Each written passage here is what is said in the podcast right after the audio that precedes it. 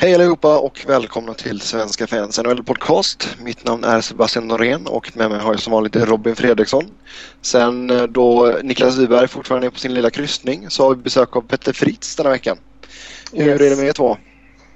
Det är bara fint här. Eh, jag är ju hemma hos dig så det borde väl du veta. Ja, jo, det är i och för sig sant. Jag sitter i ett rum och Petter sitter i ett annat rum. Och Robin är i Estocolmo. Mm. Yes. Eh, hur är det i Stockholm? Varmt och skönt? Nej, det är regnigt och 10 grader typ. Härligt. Det låter riktigt fint det. Det är nästan som man längtar hem igen. Ja, jag tror vi ska väl ta en liten sväng till poolen här nu efteråt tror jag. Eh, jag vet inte vad det är för, ska vi se, varmt det är idag. 33 grader ska jag ha. Just nu är det 28 grader klockan 11. Ja, det är en besvikelse. Ja, förjävligt, förjävligt.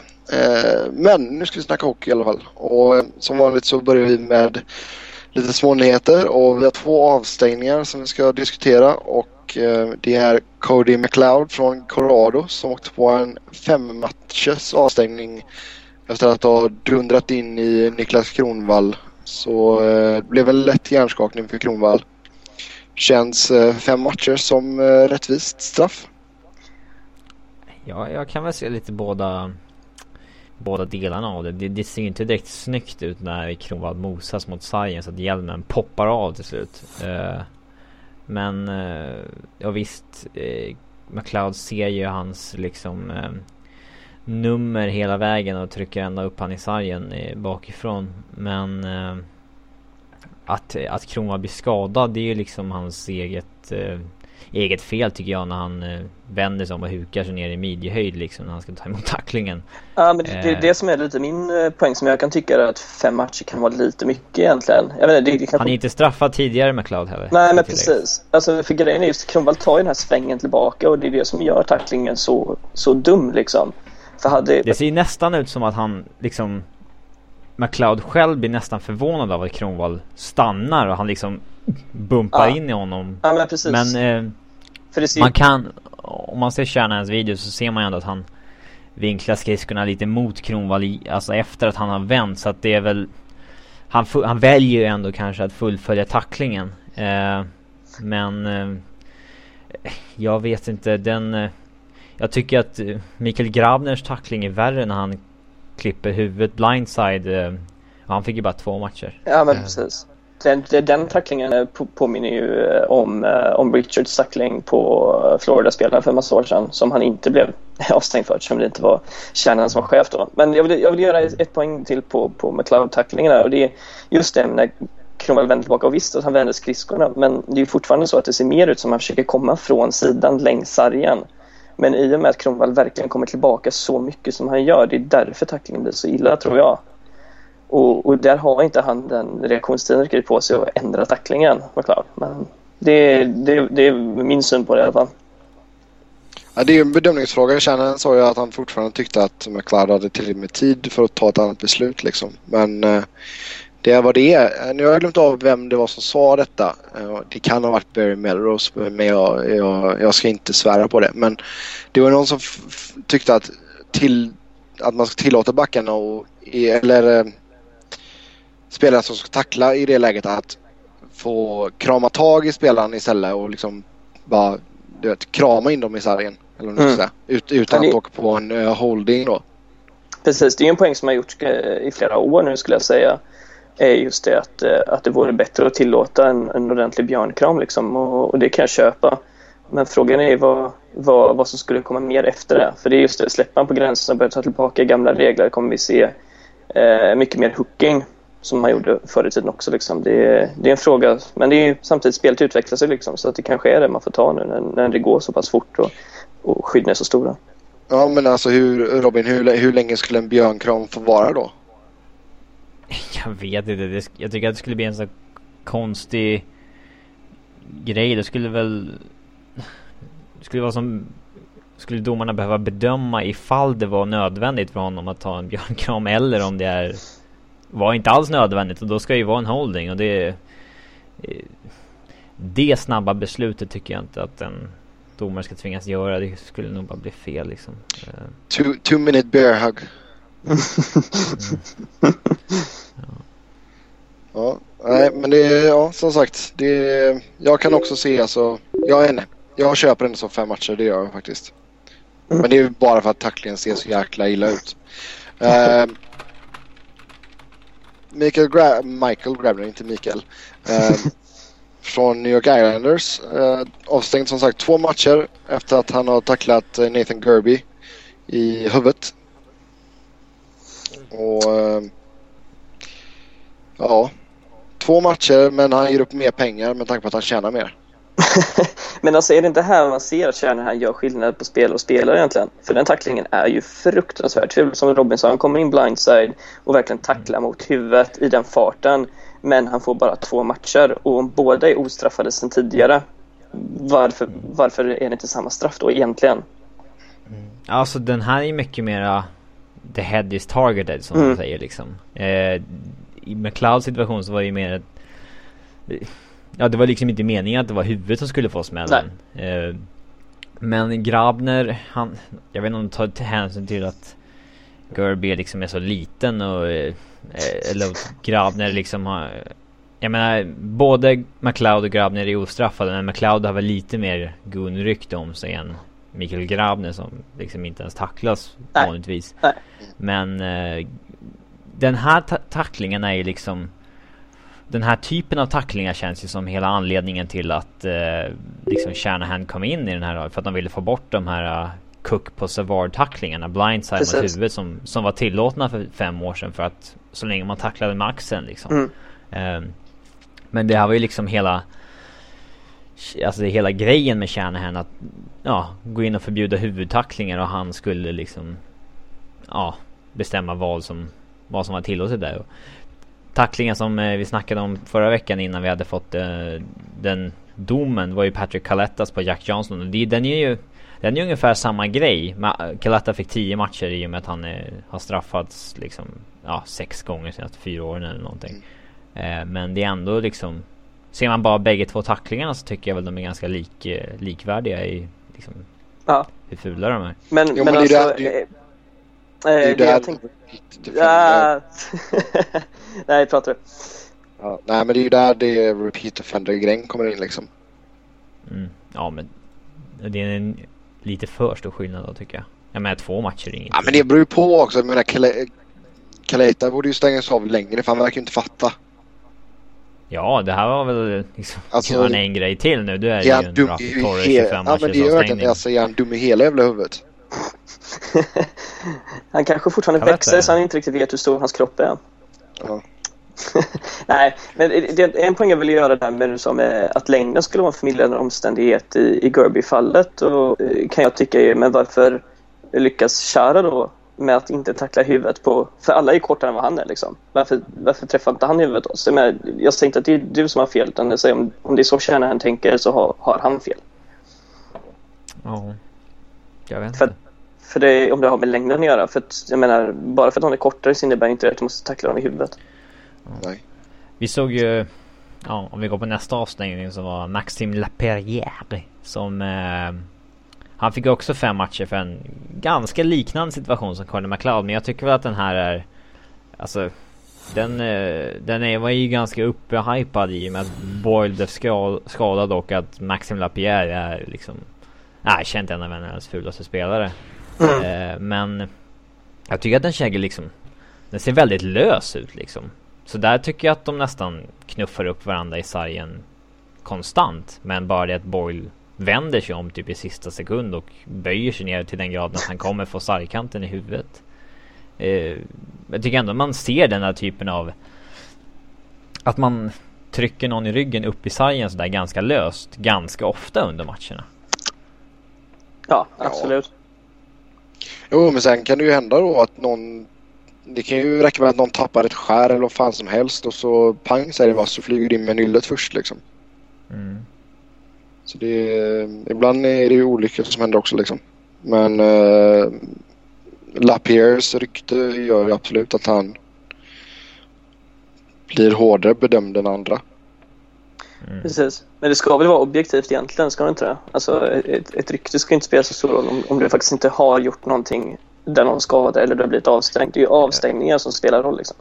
Klassas han som repeat offender? Så, eller har han inte blivit straffad tillräckligt mycket för det? Det vet jag inte. Faktiskt. Det vet jag inte jag heller. Men, men, men i sådana fall förklarar jag det. Men jag tycker inte att Shanahan tar det eh, så objektivt alltid. Kan jag, kan jag tycka. Han är inte som, som Campbell var på något sätt. Men eh, eh där eh, alla som skadade hans son fick mycket hårdare straffningar. men, Ja, vi får se vad som händer. Det är ju som sagt inte bara Shanahan som sitter och tar beslut om det här själv. Ja, alltså, man ska väl inte gnälla för mycket. Alltså, det här... Jag tycker ändå att det är ett eh, okej okay system. Det är alltid en bedömningssituation och det är liksom... Det är ex-spelare som sitter och eh, granskar de här bilderna om och om igen. Och det, det, var ju hundra resor värre på Colin Campbells tid och som vi har i Sverige liksom där man inte får en förklaring om varför man blir avstängd eller liksom man vet inte ens vem i disciplinnämnden som har tagit beslutet. Det sitter inga för detta spelare i disciplinnämnden som mm. har en aning om vad som, hur det går till i hockey liksom. Det. Absolut, jag menar men samtidigt kan man ju säga så här, ja jag visste att Shanahan och Rob Blake har spelat men hur spelade de egentligen och hur, vad var det för avstängningar man fick när de spelade? De har ingen erfarenhet av det här systemet Det är ju först de spelarna som är nu under Shanahan och, och, och Blake som, som, som kan faktiskt, om, om reglerna fortsätter på samma sätt så är det ju fortfarande bara de som kan bedöma då hur det ska vara. För att, jag menar, Rob Blake var ju känd för sina tacklingar liksom, men ja, hade han gjort samma sak så hade inte han blivit avstängd. Det är bara att titta på hur, hur man spelar på 90-talet liksom. Jo, alltså det, det är klart att det var en annan era då liksom. Det, det har ju blivit mycket mer fokus på player safety liksom. Det är ju därför... Ja, jag vet inte. Är, man får hålla plocka in uh, lite nya gubbar här nu sen när det... Om, säg att en kille som Bob Bissonette tar och tackar för sig efter uh, några år så får ja. känna en slå en signal. Precis. det skulle göra videorna oerhört underhållande om inte annat. Absolut. Många bra tweets också. Ja, vi går vidare och eh, med tanke på att Colorado fortsätter att imponera så ska vi prata eh, lite mer om dem. Vi nämnde dem förra veckan men eh, vi får fortsätta här. Nu slår man Pittsburgh med 1-0. Uh, Sebastian Giger går och spelar sin andra match för säsongen från start och uh, håller nollan för andra gången. Mm. Vad, vad äter han till frukost egentligen? Jag vet inte. Jag trodde att han skulle gå mot ett lite lite tyngre år kanske för att han, eh, han börjar ju komma upp i åren och målvakter så brukar det ju liksom bara smälla till förr eller senare vid en viss ålder så är de helt plötsligt liksom mycket, mycket sämre. Att det liksom, det kommer ganska fort, ett ras. Eh, men eh, och i kombination med att eh, förminskningen av målvaktsskydden i år som alltid har varit Jiguers grej. Att han vill ha så stor utrustning som möjligt och bygger mycket av sitt spel bara kring storlek liksom och skär av vinklar och playing percentage som de säger. Eh, mm. Men eh, ja, hittills har det ju gått asbra och jag jag är jättenöjd med målvaktsduon Jiger Varlamov. Den tycker jag är perfekt. Ehm, det är väl lite... Det är väl liksom...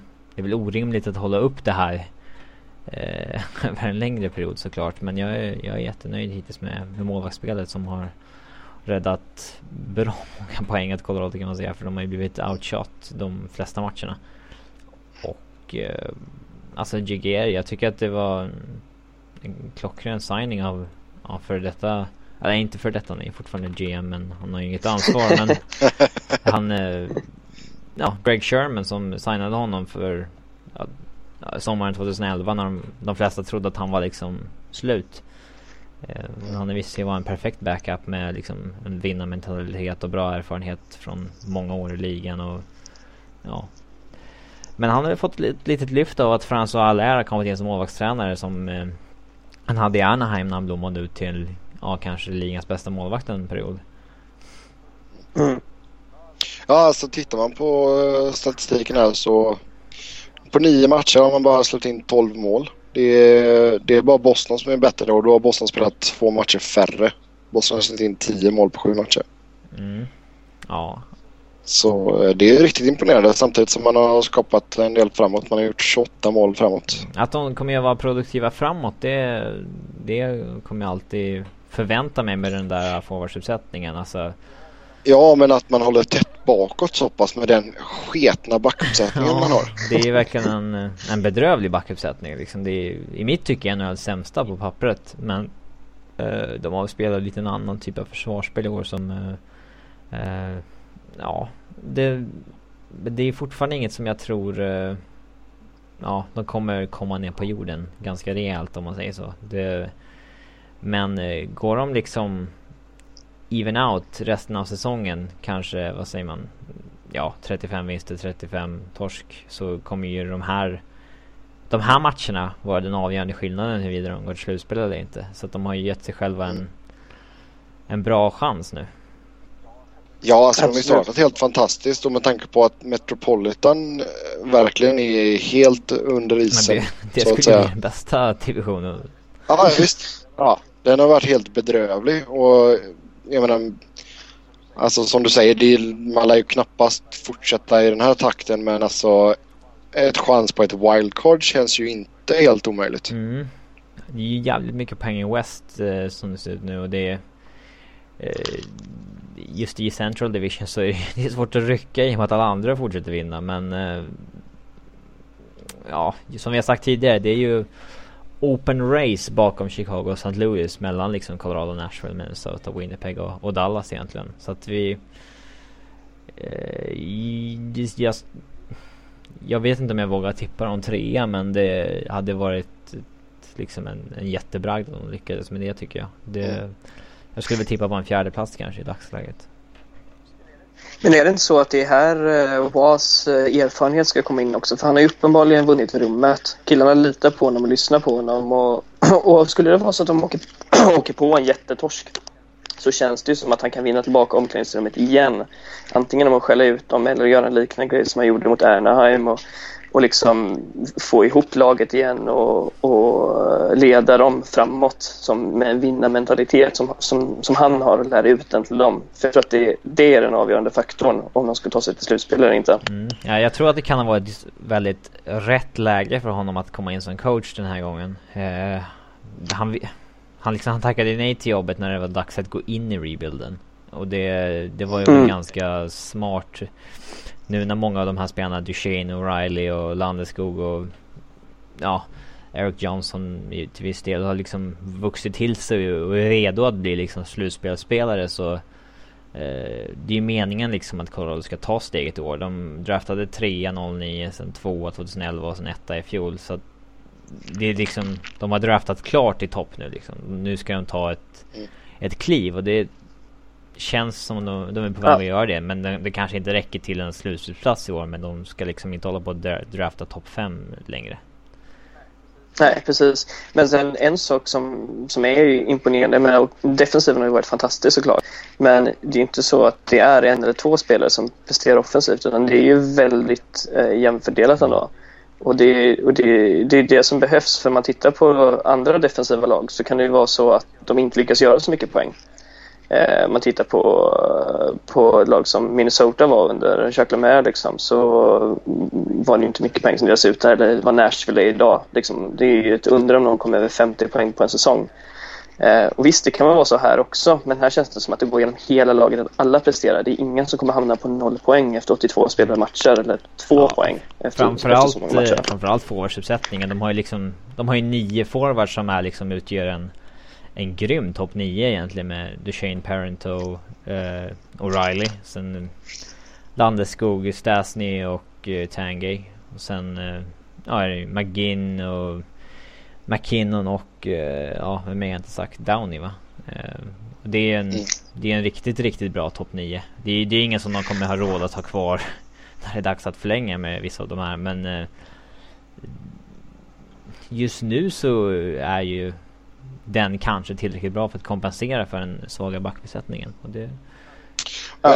hur, hur, tror du det blir framåt trade deadline? Jag tror alltså, inte, alltså, jag tror inte med... Paul Stastny är kvar säsongen ut. Jag tänkte säga det. Stastny, alltså även om de är kvar i racet liksom, är det, är det dags att skicka Stastny mot en, en back då kanske? Det är någonting jag har velat göra i, i många år och jag... Alltså, jag skulle jätte men vad, vilken, alltså om du måste välja en typ av back som du vill in? Ja, det skulle vara definitivt vara en vänsterfattad back som kan spela med eh, eh Eric Johnson. En puck moving back så att han kan bara ta den här eh, alltså man behöver få in en Duncan Keith typ så att Eric Johnson kan bara vara en Brett Seabrook. Som, han, han ska inte vara... Han har inte den talangen att han ska liksom vara den backen som... Han ska vara ett, ett riktigt grymt komplement till liksom nummer ett backen. Precis som Brad Seabrook är till Duncan Keith. Och... Eh, mm. Ja, kanske alltså... Det, det surrades ju i somras om att de snackade liksom om Stasny mot Förnuff. Uh, I och med att Förnuff blir UFA, Stasny blir UFA, Toronto vill ha en center, uh, Avs vill ha en back. Liksom det, det made sense. Men uh, alltså, mm. om jag var Toronto så hade jag inte gjort det. Uh, mm. Nej, nu känns det väl som att Kadri och de kör alla Kadri och Bosak. Vad, vad, vad skickar det för signaler till resten av laget i Toronto i sådana fall? Får man trada bort sin kapten eh, vid trade deadline? jag vet inte. Det där... Ja, jag vet inte. Men jag... Jag skulle gärna skicka dit Stasny i alla fall. Det det... jo, jo, det, det är förstått. alltså, Paul Stastny är ju en solid topp 6-center som kommer göra sina 50-60 poäng varje år. Men alltså Hans kontrakt går ut i sommar och han tjänar 6,6 miljoner. Eh, det är ju såklart inget han kan kräva längre eh, efter att hans poängproduktion har dalat senaste åren. Men visst, han ska väl åtminstone ha en 5 miljoner som eh, unrestricted free agent i 27-årsåldern. Um, ehm, med hans eh, ja, point record. Och eh, med Matt Duchene signade till 6 miljoner med Ryan O'Reilly som de ska förlänga med och Nathan McKinnon på centerpositionerna så de kan inte förlänga med Paul Stastny också. Alltså det nu är det läge att ja, göra sig av med honom helt enkelt. Visst, de skulle kunna ha kvar alla i kanske ett, två år till men det är bättre att skicka Paul Stastny nu få ett bra utbyte för honom. Uh, uh, sen Sen vad man gör efter det, det är ju såklart att ha kvar Duchene som första center men att ta bort O'Reilly från hans vinge och sätta honom i andra kedjan igen tillsammans med Landeskog där han var där både han och Landeskog har varit som bäst när de får spela med varandra och sen ha kvar McKinnon som tredje center. Jag, jag gillar när man mm. gör den där äh, grejen med som man har gjort med McKinnon att man spelar han på hans viktiga position framförallt som center och man spelar honom i en tredje centerroll att han liksom får gå upp mot tredje backparen i motståndarlaget liksom få en ganska bra inskolning till ligan. Han får inte möta de tuffaste spelarna och han får ändå liksom ta tekningar och eh, Många kanske luras av hans poängproduktion då men han spelar ju en sån skyddad roll så att eh, Både Paul Stastny och Duchene har en mycket svårare uppgift. Framförallt Paul Stastny, alltså kedjan med Stastny och Landeskog är ju den som får spela mot motståndarnas bästa spelare hela tiden. Eh, mm. Ja, men det är väldigt lyxigt för McKinnon att, att, få spela med så pass bra wingers ändå i en tredje ja, kedja. För det finns, ju, det finns ju inte många lag som kan garantera det. Så det, det gör ju det väldigt bekvämt. Hade han gått in i ett annat, ja i stort sett typ 25 av de andra 29 lagen så hade han ju fått spela med ja, mindre skickliga spelare. Mm. Ja, så spelar med Jamie McGinn som är en 25 måls winger och PA Parent då som är en 60 poängs winger liksom i, eh, i en tredje line. Det är ju jätte, det är jättebra för honom.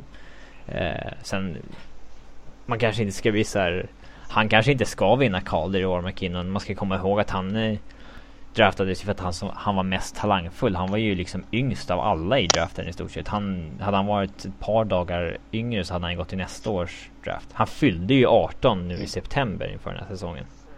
Det är ju mm. ofta så brukar man ju Ja. Jag menar Seth Jones är ett, ett år äldre än honom. Precis. Mm, ja, det är ju som sagt imponerande. Sen är det väl som sagt. Får man in en, alltså får man in en back så ser jag att man kan, man kan nog knipa en plats där ja. Behåller eh, Pergua rummet så ja, absolut. Det var det, det är som sagt, det är bara, jag, är, alltså, jag är inte alls high på den backlinjen. Alltså det, det har jag sagt många gånger att jag tycker den är urusel. Men eh, kan man få, som de säger, kan man få in en uh, puckförande back bredvid Johnson. Det kan ju spekuleras lite vem det skulle vara men Alltså jag tror inte det behöver vara någon upper echelon i. Alltså det kan vara en... Ja, typ Keith Yandel. Mm. Ja, fast Phoenix verkar vilja någon helt orimligt sjuk return för honom. Ja, ja, ja. Det, det. Jo, men han har ju kontrakt i typ tre år till så de har ingen brådska Nej, men alltså de, Nej. De behandlar ju honom som att han är en första backparsback liksom när det är dags för trade talk. Att de ska ja. ha en typ, typ som att någon frågar om Shea Webber liksom.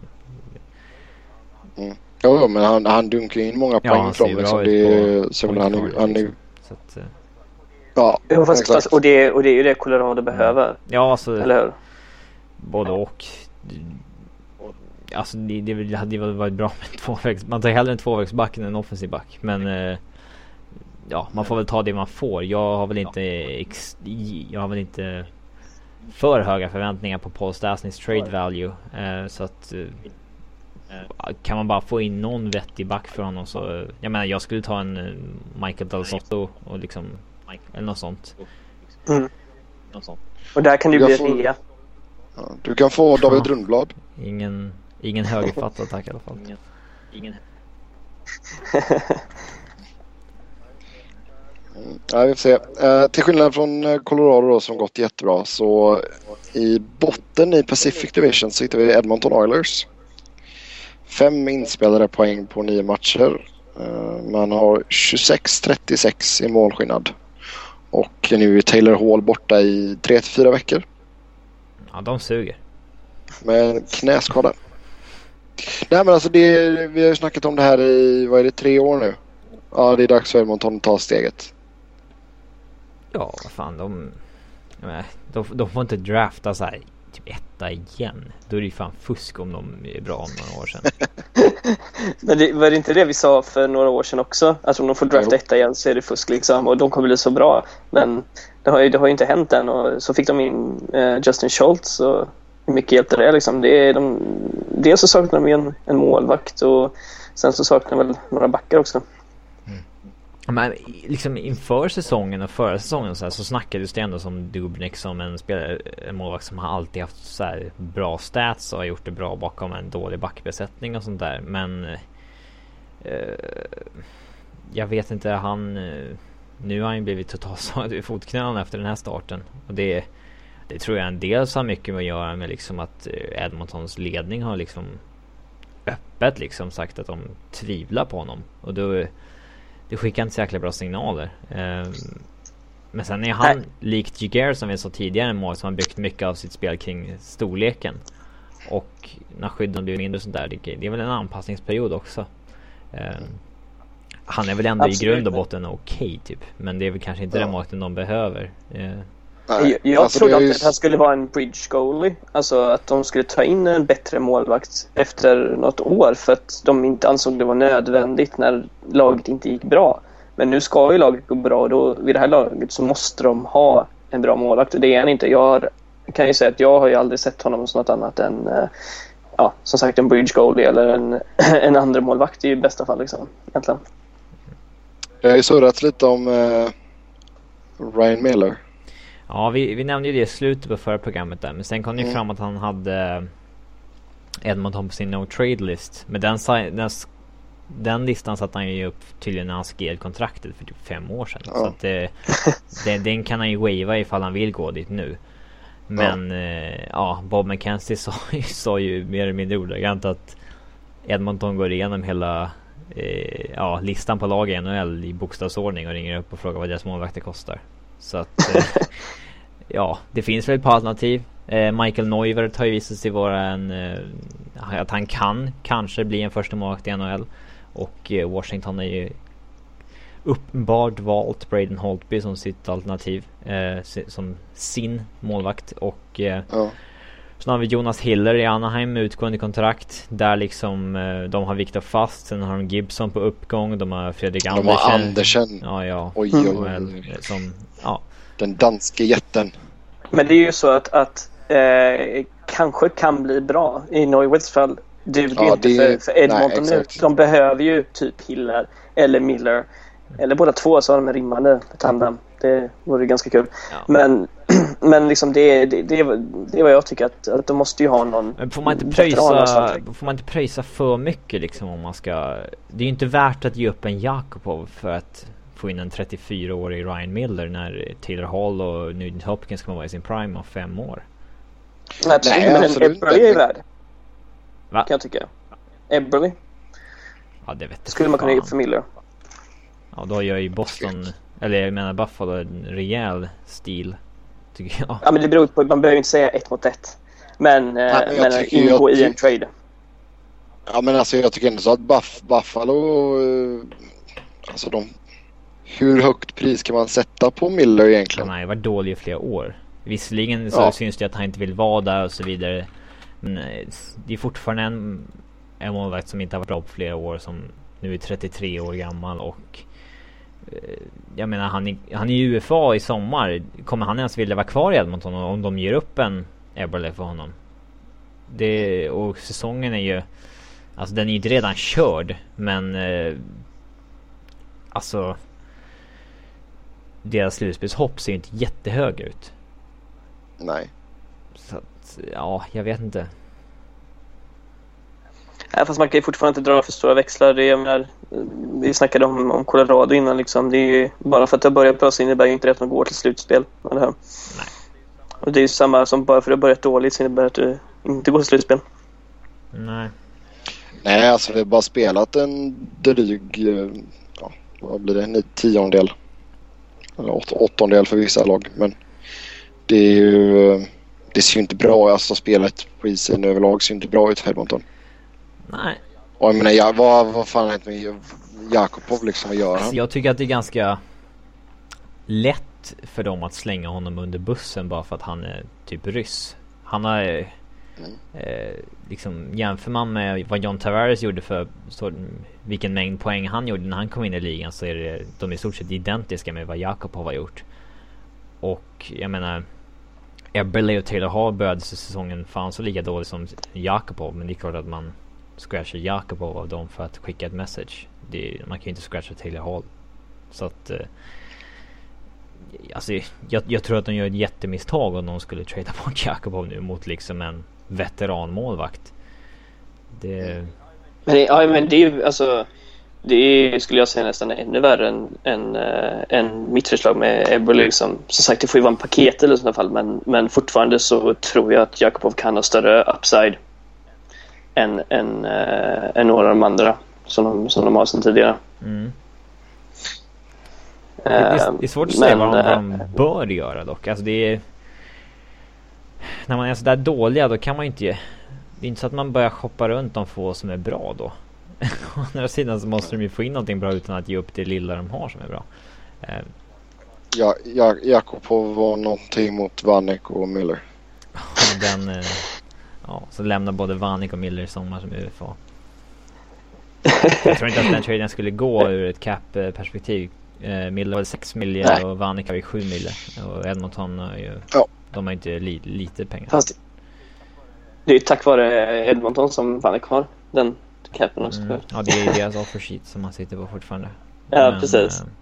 Så, så det skulle vara deras eget fel i sådana här. Uh, men de, har ju, de har ju satt sig lite i besits här med capen också. Att de har liksom Andrew Ference på ett fyraårskontrakt på 3,25. De signade Boyd Gordon på ett treårskontrakt på 3 miljoner. Som har gjort sig... Det är lite för dyra spelare som har... Som ändå kapat ganska mycket löneutrymme för dem nu. Så att de, de har inte jättemycket svängrum heller kommande åren med vad de ska göra. För att de... Ja, alla Hemski kan de ju dumpa såklart men de måste ju... Det är svårt att säga vad de måste göra. Alltså de, jag tycker att de har en bättre backbesättning än Colorado. Med liksom Ladislav Smid och Ferens och mm. Justin Schultz och Nick Schultz och två intressanta ryssar som de tog in i år. Och det ska vara bättre än vad det är liksom. Det, Ja, men så, så var ligger felet egentligen? Är det tränaren igen? Som Kanske att de har bytt tränare varje år som är ett jobbigt fel. Jag menar, Sti ja, nej, det tror jag, jag. Menar, Steve Eisenman sa en gång att fan, tänk vad bra jag hade fått vara ifall jag hade fått ha samma coach under första fem åren på min karriär typ. Istället. Alltså, mm. Jag tror inte att det är nyttigt för Hall de här att ha bytt coach fyra gånger på fyra år typ. Eller vad det är de har gjort. Så att... Eh, Nej. Ja. Det behövs någon slags kontinuitet liksom. Jag menar, för grejen är du kan inte förvänta dig att bara för att du tar in en tränare som är jättehypad så blir det inte Patrick Roys start. Eller hur? Nej. Jag menar, det var väl förmodligen det de trodde att det skulle bli. Okej, okay, nu tar vi in eh, eh Delsiken här liksom. Nu blir det, nu blir det 10-0-0 på de första tio matcherna och sen så rullar vi in i slutspelet och tar oss en eller två rundor. Mm. För, att, för att han ja. var så hypad som tränare. Ja, han hade ju bra track record med unga spelare och allt sånt där. Men det sa jag redan innan säsongen att det kommer ta ett tag innan det sätter sig. Jag tror att Iken kommer vara en jättebra NHL-tränare men det, det kommer ta tid. Och det är ja. som sagt, det spelar ingen roll hur jävla bra lag du har ifall du har en, en målvakt som inte är up to par så... Ja, om jag var... Om jag var Edmonton skulle jag väl ändå försöka titta på vad Iceman gjorde med målvaktssituationen i Tampa. Att, eh, tog in en Anders Lindbäck för ett andra rundsval och lite annat. Eh, sen Ben Bishop för en liksom en OK prospect i Corey Conacher. Mm. Eh, så att eh, liksom men det känns som att det skulle kunna vara något liknande pris för att få in en, liksom en Michael Neuvert och någon, någon mer liksom som haft eh, och sen hoppas att någon av de två kanske blir en jackpot eller i alla fall en duglig startmålvakt. Ja, ja visst. För de, de, de får inte ge upp för mycket. För det... Nej men, men titta på vad Calgary gjorde på, vilket år det nu var, det minns jag inte ens. Men när de tog in Mika Kiprosov från San Jose liksom. Det gick mm. ju hyfsat. Verkligen. För att de hade för många målvakter liksom. Men det är ju det man får gå på i sådana fall. Ja. Och sen så gäller det ju att eh, som NHL-lag verkligen scouta målvaktsmarknaden i Europa. För på målvaktssidan så ligger Europa alltså ett decennium för eh, liksom Nordamerika när det kommer till målvaktsutvecklingen. Mm, absolut. Liksom, leta efter, alltså kolla, kolla igenom eh, liksom elitserien och tyska ligan och de här målvakterna som har haft riktigt bra stats i flera säsonger. Det Ja men precis, men, jag, jag, vi såg Viktor fast. Liksom. Jag trodde aldrig att Kristoffer Nilstorp skulle få chansen i NHL.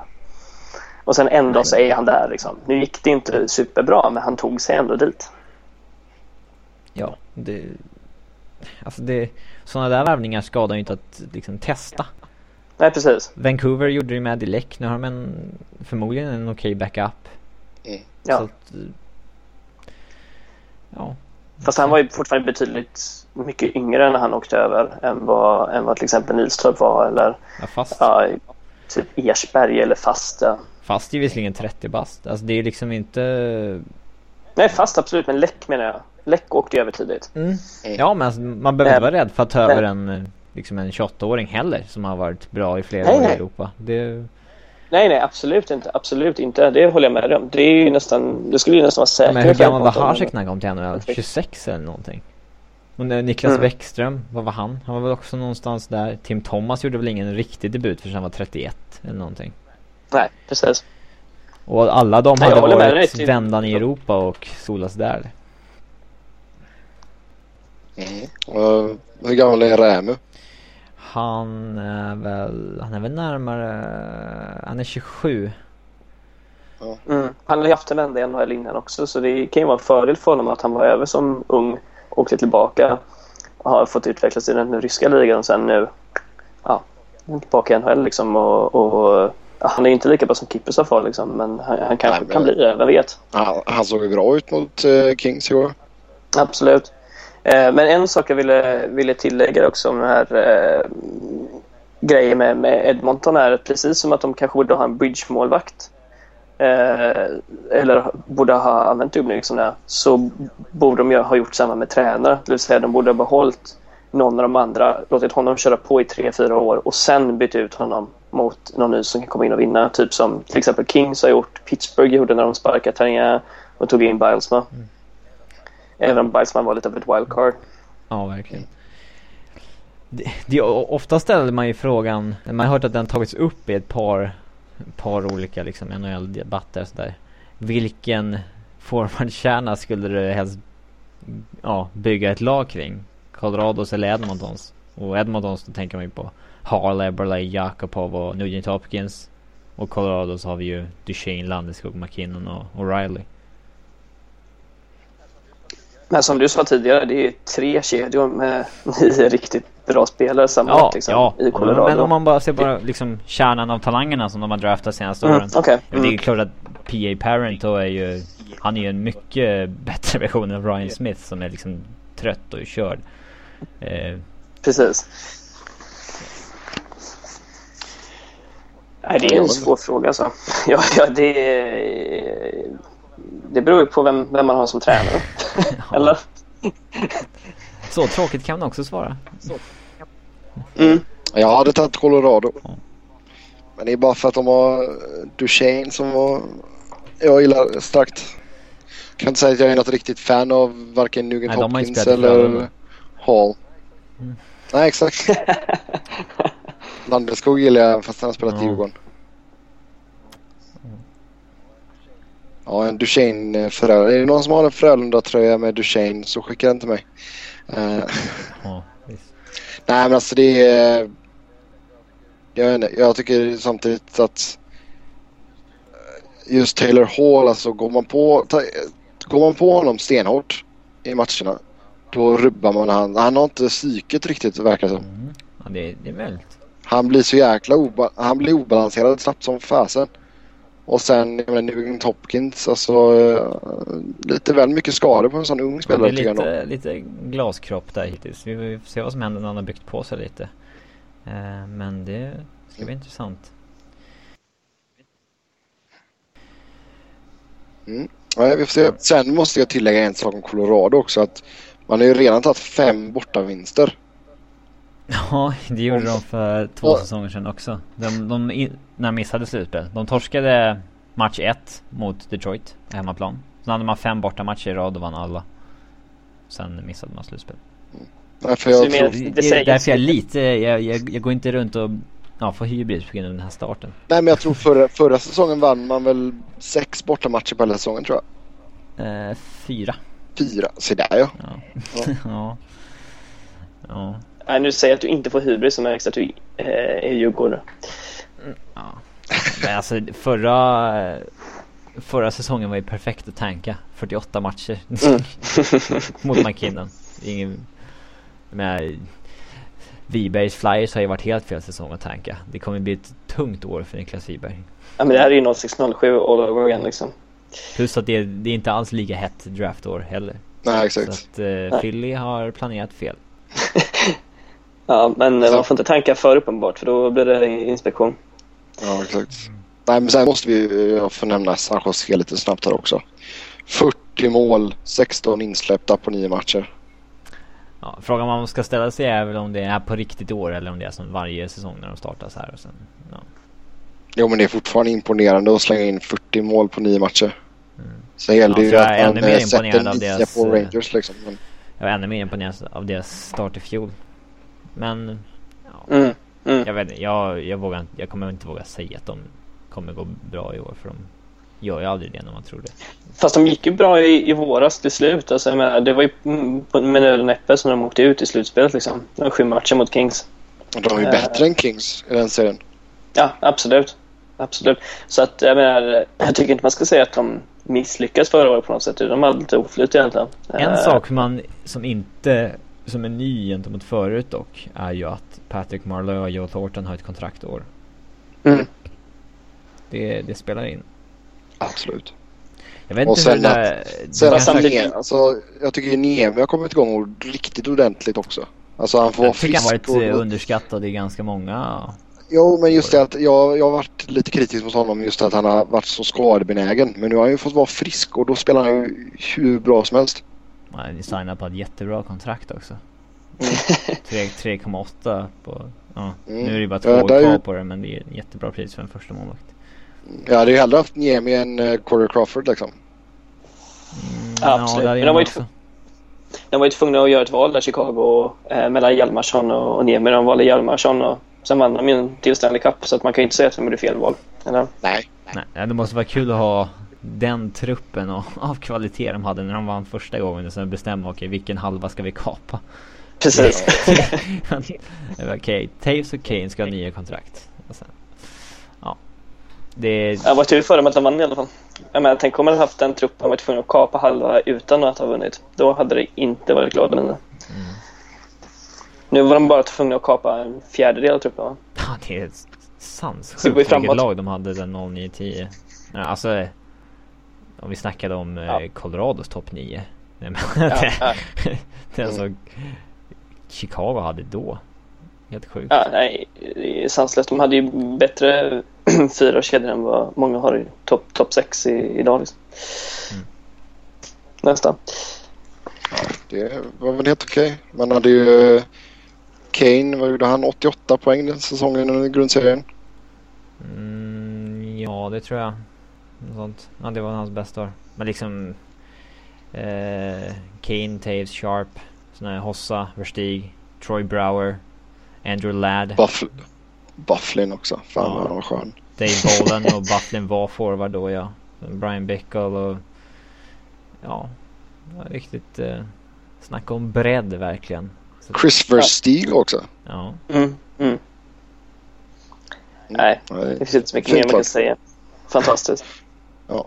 Om vi tittar på eh, poängligan just nu så eh, föga oförväntat sitter vi Sidney Crosby längst upp. Mm. Det, det var väl ingen stor överraskning. Så länge han får vara frisk så kommer han ju att pissa in poäng. 17 stycken har blivit på nio matcher. Mm. 7 mål, 10 assist. Ja, vi delar poäng skytteligaledning liksom. Det, han har ju kommit igång på alla cylindrar får man säga. Han är inte riktigt uppe i det snittet han hade för några år sedan före, eh, före hjärnskakningarna. Men eh, han är väl på god väg att återhämta sig och, och kunna trycka in nästan två, två poäng på match. Liksom. Jo men grejen är att även ifall Crosby alltså aldrig blir riktigt 100% efter de här hjärnskakningarna så jag menar liksom spelar han på 80% så är han fortfarande ligans bästa spelare. Alltså får ja, han vara frisk en hel säsong och håller det poängsnittet han liksom gör hela tiden då gör han ju 130-140 poäng liksom. Det hade varit kul att se ja, om han kunde vara frisk en säsong. Ja, och då vinner han poängligan med 40 poäng liksom. Mm. Ja, vi får se om Alexander Sten kan utmana men ja. Ja, tyvärr. uh, nej men alltså vi, vi, kan ju nämna det. Alltså, vi har ändå så tre, tre svenskar i topp 6 just nu. Uh, Henrik Sedin har 12 poäng på 10 matcher. Uh, Alexander Sten ligger på en femte plats. 11 poäng. Han har 7 mål på 7 matcher. Kryddat med 4 assist. Och sen Henrik Zetterberg som uh, även han ligger på 11 poäng fast på 10 matcher, 6 mål och 5 assist. Så det är inte helt fel. Faktiskt. Sen eh, ett par spelare som vi förväntar oss skulle varit där uppe men som inte har gjort något speciellt eh, väsen av sig. Claude Giroux är ju det uppenbara. Han har fortfarande inte gjort mål. Mike Smith har gjort ett mål. Claude Giroux har gjort noll mål. Mm. Ja, jag, jag har inget mm. bra svar på vad som är liksom just nu problemet alltså, Alltså det som jag ser, jag har sett ett par matcher med Philly och det, alltså det känns som att han försöker för mycket själv just nu. Att han, han, att han känner att han måste vara den som gör det avgörande hela tiden. Och då låser det sig och så blir det pannkaka liksom. Han försöker vara Sidney Crosby liksom, egentligen. Ja. Eller, eller vad menar du? Och, och vara den Nej men alltså... Nej men alltså just det, det att han... Crosby gör är ju att han, han har alltså, som, som sagt så har han eh, 17 poäng Crosby. Och, och Pittsburgh har gjort 31 mål. Så han har alltså varit involverad i 17 av 31 mål. Och det är det Giroud försöker vara uppenbarligen. Alltså även, jag menar inte... Nu, nu kan jag inte säga eftersom det, det var din poäng. Liksom. Jag är ledsen för jag avbröt. Men, eh, men, men om han vill vara involverad i allt, vare sig det är mål eller, eller passa fram, liksom, så kan det bli fel ifall, ifall det inte funkar. Liksom. Och då, då, då, blir det bara fel i huvudet på honom så han måste lära sig att koppla bort det på något sätt. Han kanske ska, han kanske ska vara scratchad. För att få tänka över och se hur, hur det ser ut. Scratcha sin kapten. Ja, men då hade ju Flyers-fansen gått bananas. Ja, men det var ju okej okay att, att trada kaptenen från Toronto, eller hur? Han var ju inte part-time. Jag inte, om Ed Schneider säger att de ska scratcha Claude Euro, då kommer de att scratcha Claude Euro. Men eh, det kommer de inte göra. Eh, men Nej men alltså Jag tyckte att han var, han var ju liksom Han var ligans, alltså topp tre i, i ligan säsongen 11-12 men eh, Ja, han var inte riktigt sig lik i fjol men han liksom höll ändå upp poängsnittet. I år så... Ja, jag tror Philly ändå... Li... Man ska väl inte skriva av honom helt men den där säsongen kanske var liksom en... Hans... Ja, vad är det man säger? Career year? Eller vad är det? Ja. Mm. Och det är jobbigt för dem om de sitter och pröjsar över 8 miljoner dollar till en center som kanske gör 60-70 poäng. Ja. Ja, det är sant. Någon annan spelare som ni eh, har varit lite missnöjda med? Alltså rent statsmässigt? Jordan Stahl har ju bara 1 plus 1 på, på nio matcher. Många trodde ju att han skulle ta ett steg när han kom till Carolina och bli liksom... Ja, en toppcenter. Men det har han ju inte lyckats bli. Um, varför vet jag inte riktigt. Det, det, är svårt att säga. Han kanske inte passar in i mm. spelsystemet eller så var han kanske optimal för rollen som tredje gubbe bakom Crosby och Malkin. Det vet jag inte. Mm. Nej, alltså när han var där så kändes han ju lätt som ligans bästa Han kanske var kvar där för länge liksom. liksom. Att han blev för cementerad i den rollen. Uh, när han draftades så var mm. han ju på samma nivå som Taves och Niklas Bäckström som gick precis efter honom i draften. Uh, sen så fick han ju inte samma utrymme som dem. Taves gick in som första center direkt och i stort sett samma sak med Niklas Bäckström. Uh, så att, ja, Jordan Stahl han kanske, han kanske var kvar i Pittsburgh för länge helt enkelt. Ja, jag tror, jag tror du kan ha, jag tror absolut har en poäng där. Så. Eh, det är svårt. Det är svårt att, att byta när man väl har kommit in i en roll liksom, eh, så länge. Han bör ju i alla fall kunna klämma fram en 60 poäng eller någonting över en hel mm. säsong. Det, den nivån ska han ju ha i sig. Men han har ju en seg start, definitivt.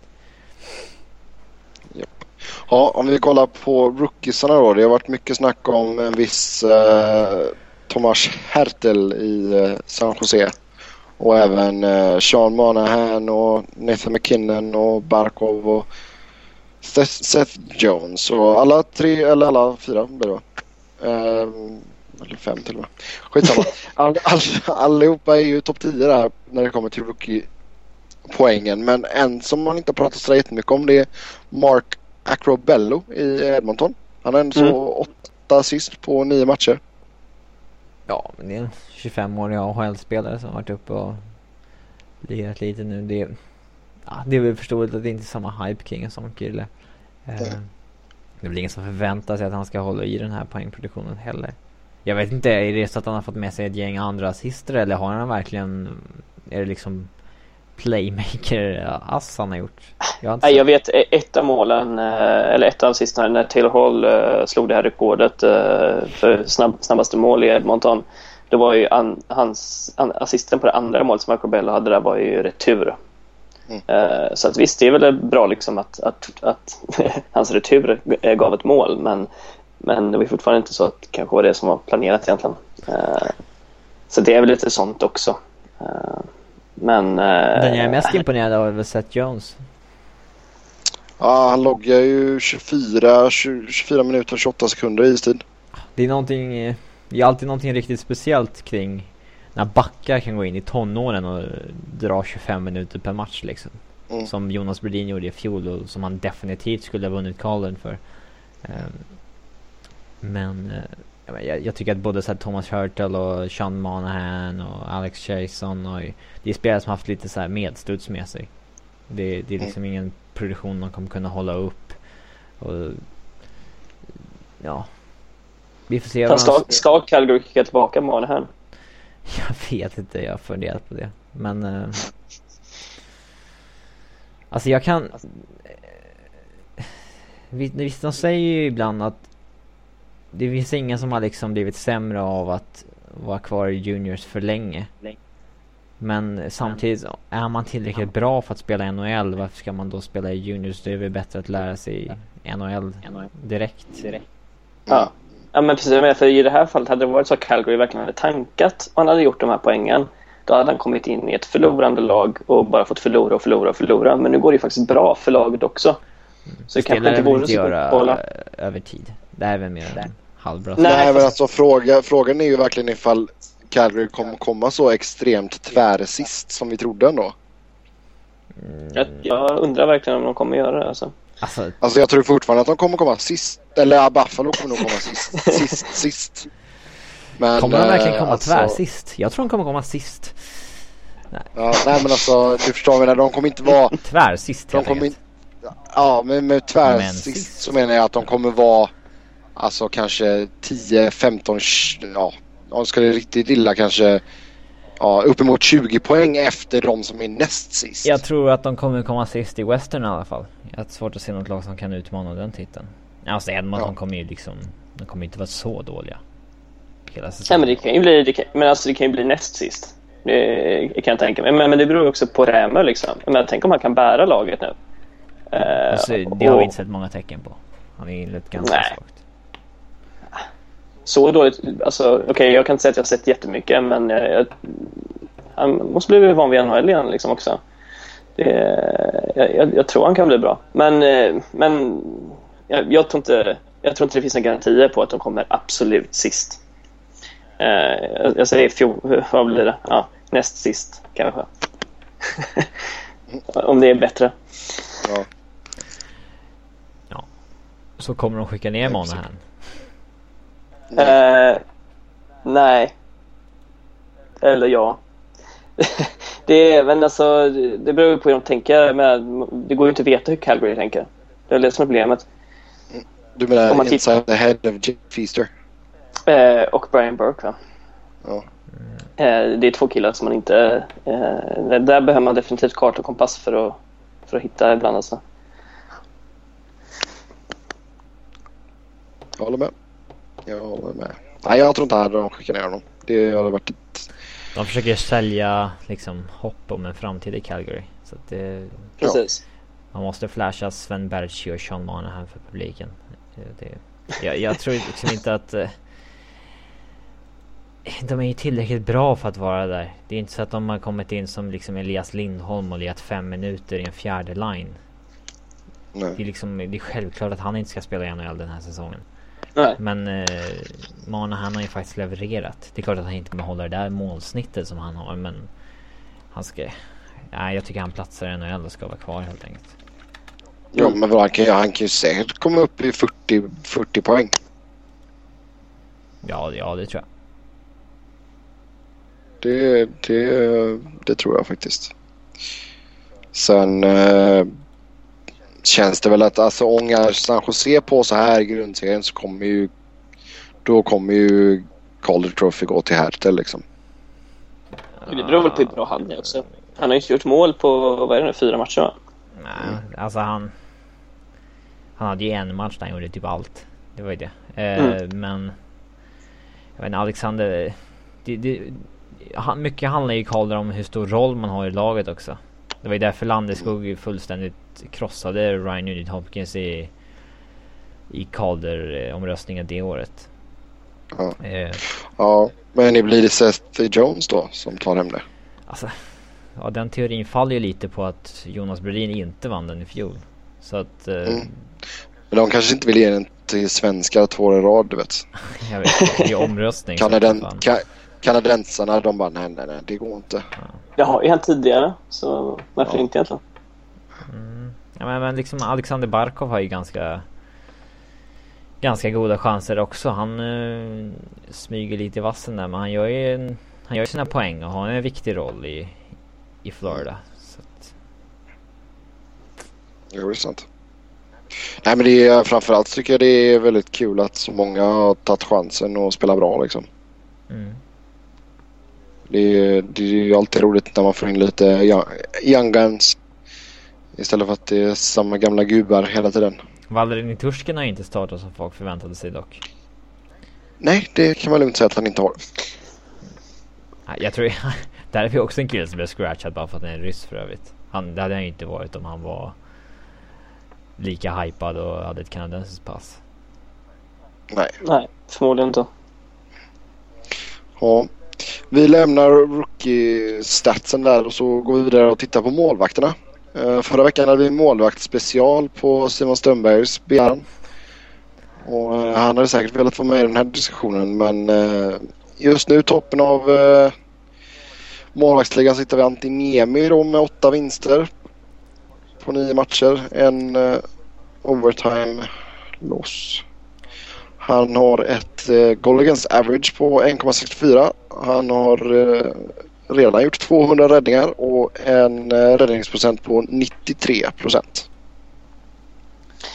Ja, jag kan tycka det är lite tidigt att eh, kolla målvakten egentligen för det är ju... En nolla.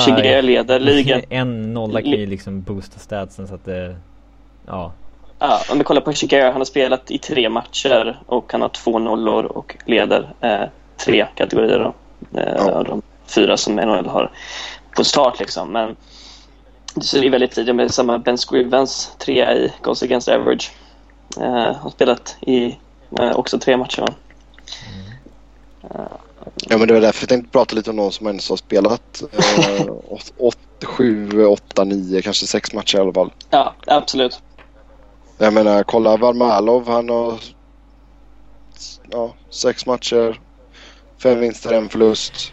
Grejen med Varlamov om man jämför har... med Niemi det är att Niemi har inte liksom behövt uh, bära sitt lag så många matcher. I... Nej men han, han har ändå gjort lika många, han har gjort nio fler räddningar. Ja, det har han. Man har spelat tre fler matcher. Eh, det är ju väldigt lätt att, att, få åtta vinster när man eh, eh när laget producerar 40 mål på, på nio matcher. Ja, det är klart. Nej, alltså Varlamov han, han snittar ju liksom 35 skott i mål per match. Det är ju liksom...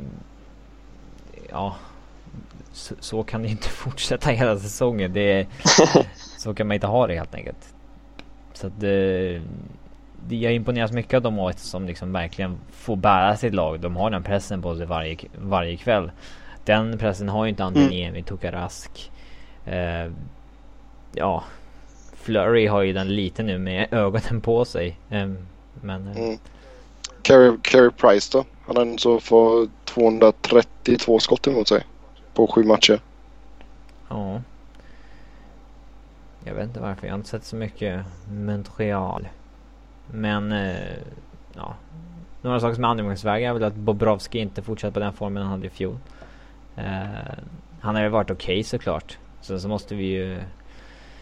Ja. Henrik Lundqvist har ju inte varit grym. För att uttrycka det minst. Det var snällt sagt. Det var väldigt snällt sagt.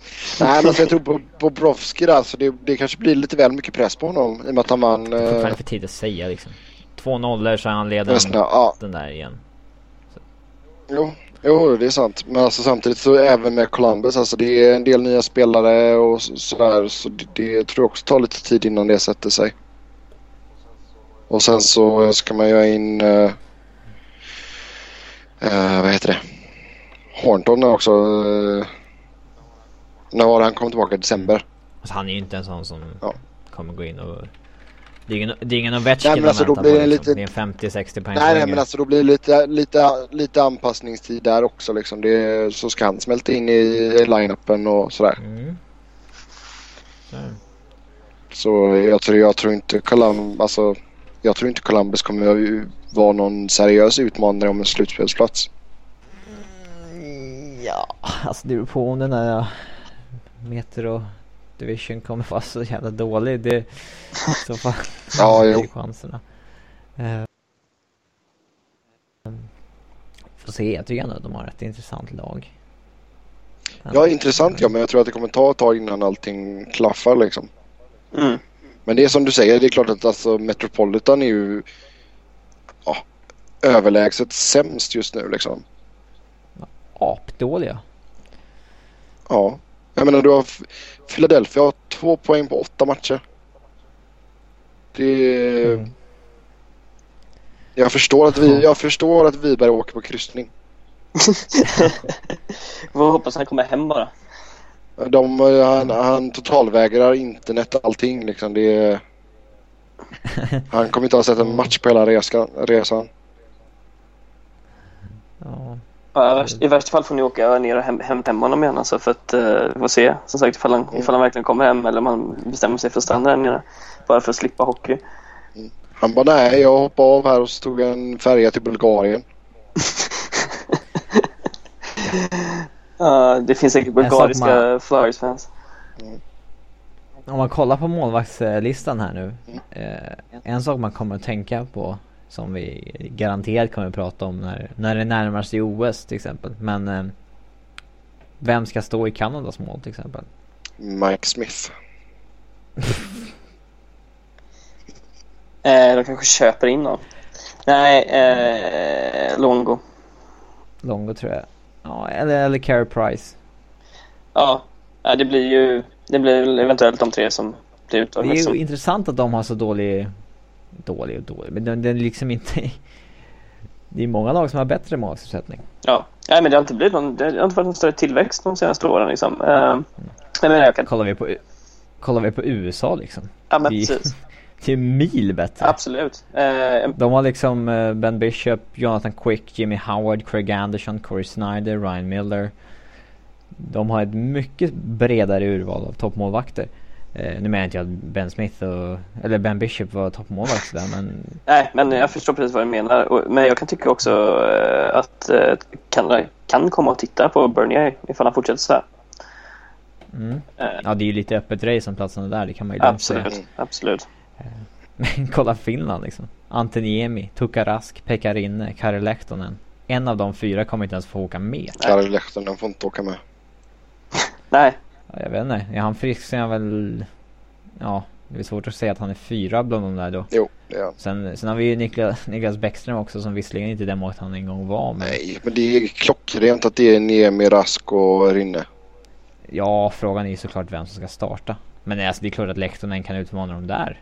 Men han kan ju ha en säsong där han liksom är 92-93% och om någon av de där tre har haft en lite svagare år då så... Ja, men det kommer de inte ha. Plus att det räcker att Lehtonen får ett skott på lilltån och så blir han skadad igen. Så skade, skadebenägen har han inte varit. Nej, jag vet att jag överdriver det men ändå. Nu har han precis kommit. Nu, han, nu har de väl eh, aktiverat han från injury reserve dessutom.